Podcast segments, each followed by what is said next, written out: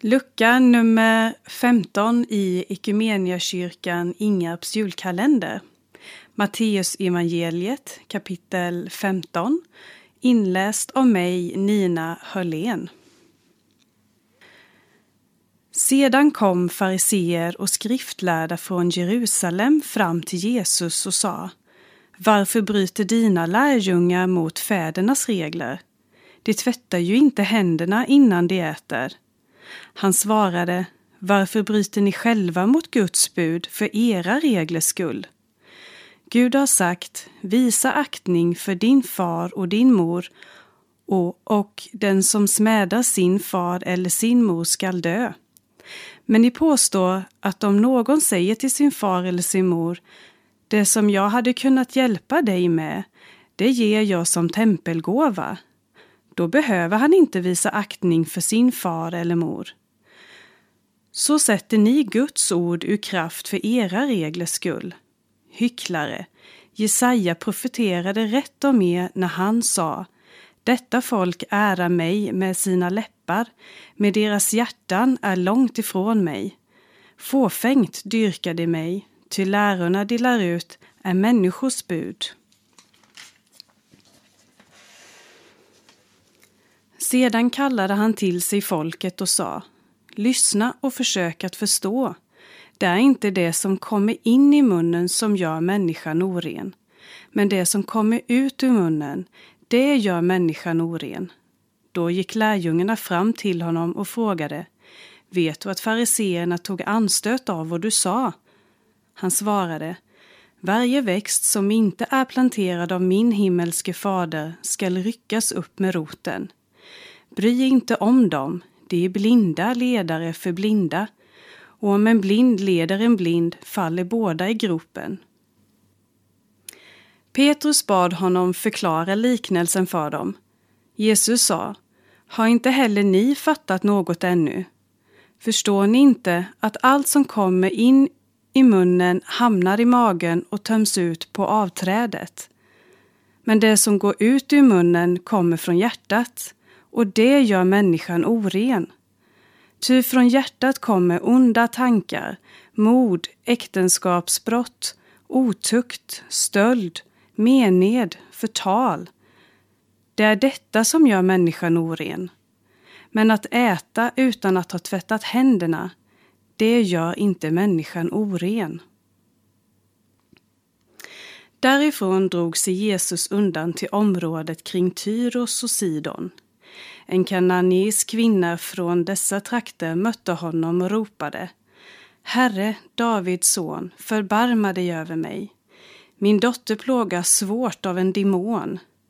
Han gav henne inget svar. Då gick hans lärjungar fram och bad honom Säg åt henne att ge sig iväg. Hon går ju bakom oss och ropar. Han svarade jag har inte blivit sänd till andra än de förlorade fåren av Israels folk.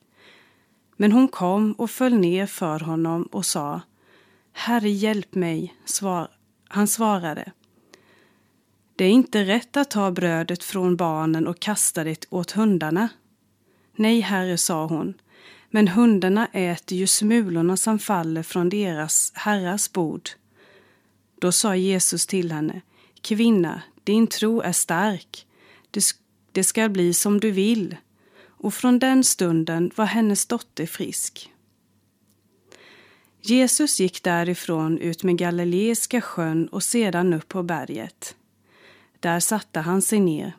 Mycket folk kom till honom och de hade med sig lama, blinda, lytta, stumma och många andra och lade ner dem framför honom.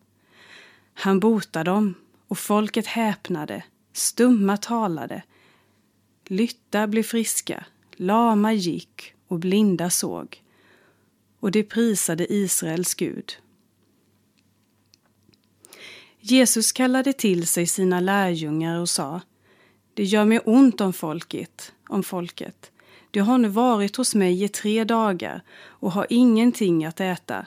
Jag vill inte låta dem gå härifrån hungriga, för då orkar de kanske inte ta sig hem.